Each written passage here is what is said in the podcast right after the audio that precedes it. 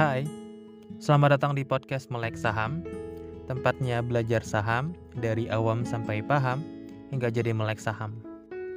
Dan tak hanya bakal bahas tentang saham, tapi kita juga bakal bahas tentang keuangan dan investasi secara keseluruhan. Bersama gue, Anas Royan. Gimana guys? Sudah disimak serial tips ngatur duit ada empat episode untuk sementara waktu.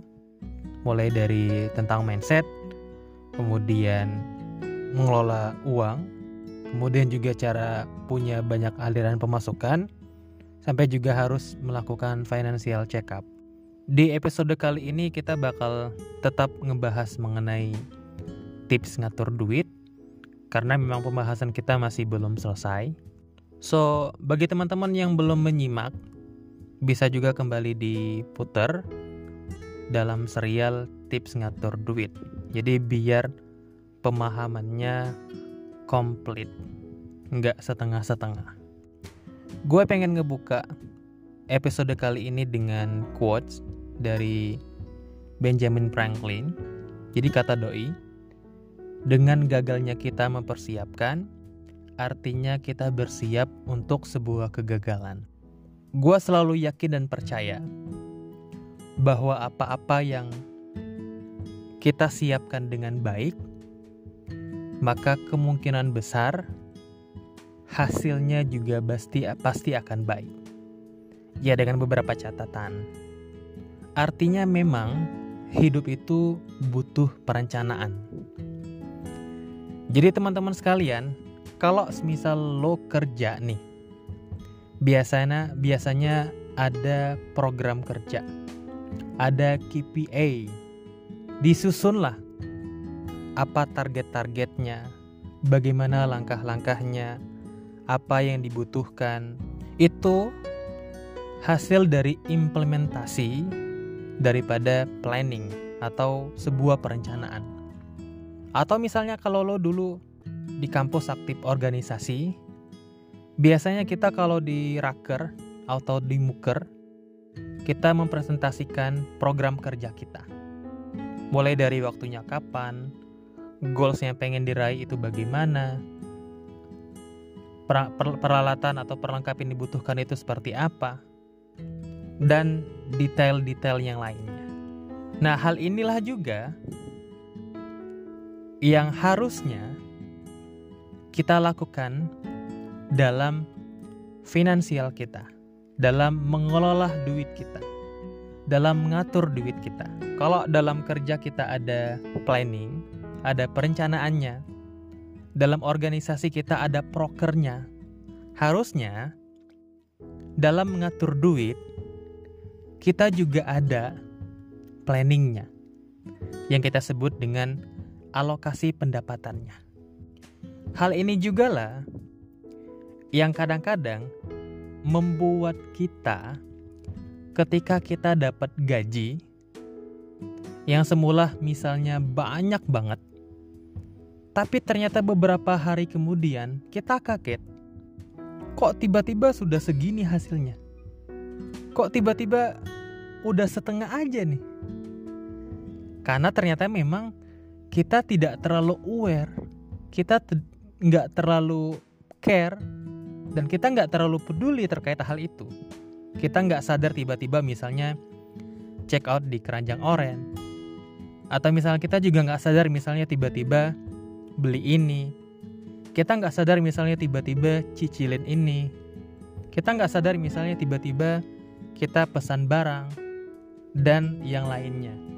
Tanpa tahu ternyata cash flow kita, pengeluaran kita itu dihabiskan untuk ini, ini, ini, ini. Makanya, idealnya kita harus punya yang namanya alokasi pendapatan. Nah, alokasi pendapatan ini bagi gue pribadi itu sebenarnya bisa disesuaikan dengan masing-masing orang. Karena boleh jadi masing-masing orang itu membuat alokasi pendapatannya yang berbeda-beda, disesuaikan dengan keadaan, disesuaikan dengan kebutuhannya. Dan kalau kita berbicara mengenai metode atau mode mengenai alokasi pendapatan, ada beragam jenis metode yang dapat kita terapkan. Seperti misalnya yang berasal dari Profesor Elizabeth Warren, dia membagi ke dalam tiga hal. Pertama itu adalah needs, yang kedua itu adalah lifestyle, yang ketiga itu adalah goals. Ada juga metode kedua yang mana itu dibagi ke dalam empat hal pokok.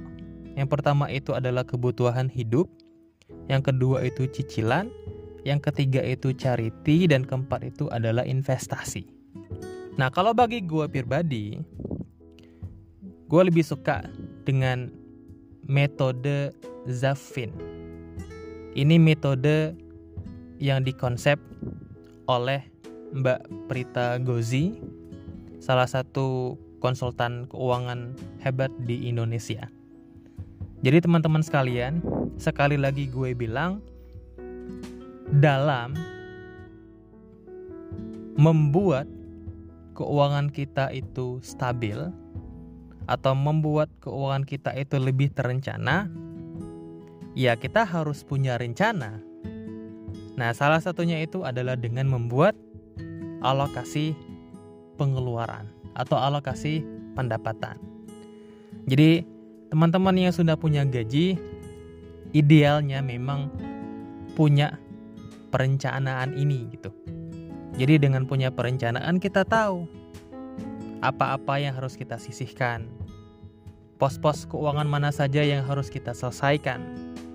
Termasuk misalnya ada cicilan, ada misalnya untuk investasi, ada misalnya untuk sedekah dan segala macamnya. Nah, ngomongin masalah ini, tadi gue sampaikan bahwa gue tertarik dengan metodenya Zafin. Jadi Zafin itu adalah singkatan dari zakat, assurance, present consumption, future spending, dan investment. Jadi teman-teman sekalian, kalau kita punya gaji, setidaknya ada lima bagian pokok yang harus kita lengkapi. Yang pertama itu adalah zakat. Yang kedua itulah asuransi. Yang ketiga itu adalah kebutuhan hidup kita yang sekarang. Yang keempat itu adalah keuangan kita masa depan atau seperti cicilan atau hal-hal yang pengen kita dapatkan di masa depan. Dan yang kelima itu adalah investasi. Jadi biar hidup kita itu nggak nggak konsumtif banget kali ya. Nggak habis misalnya duitnya cuma buat beli jajan aja. Nggak habis misalnya uangnya cuma buat beli skincare aja. Nggak habis misalnya uangnya buat beli kuota aja misalnya. Atau nggak habis uangnya misalnya untuk jalan-jalan aja. Makanya kita harus punya perencanaan yang bagus. Dan yang tadi gue sampaikan, ada lima kebutuhan pokok yang harus kita lengkapi. Jadi, ya dengan adanya perencanaan, mudah-mudahan itu ngebantu kita untuk lebih konsisten dalam memanage keuangan kita, belajar mengendalikan arus kas kita, belajar untuk bijak dalam mengelola keuangan kita. Mulai dari yang diperuntukkan untuk zakat, kemudian ada juga untuk asuransi, ada juga untuk kebutuhan hidup kita sekarang, untuk hal-hal yang kita inginkan, dan untuk investasi. Nah, bagaimana untuk penjelasan lebih lengkapnya? Simak terus podcast Melek Saham. Sampai ketemu di episode berikutnya.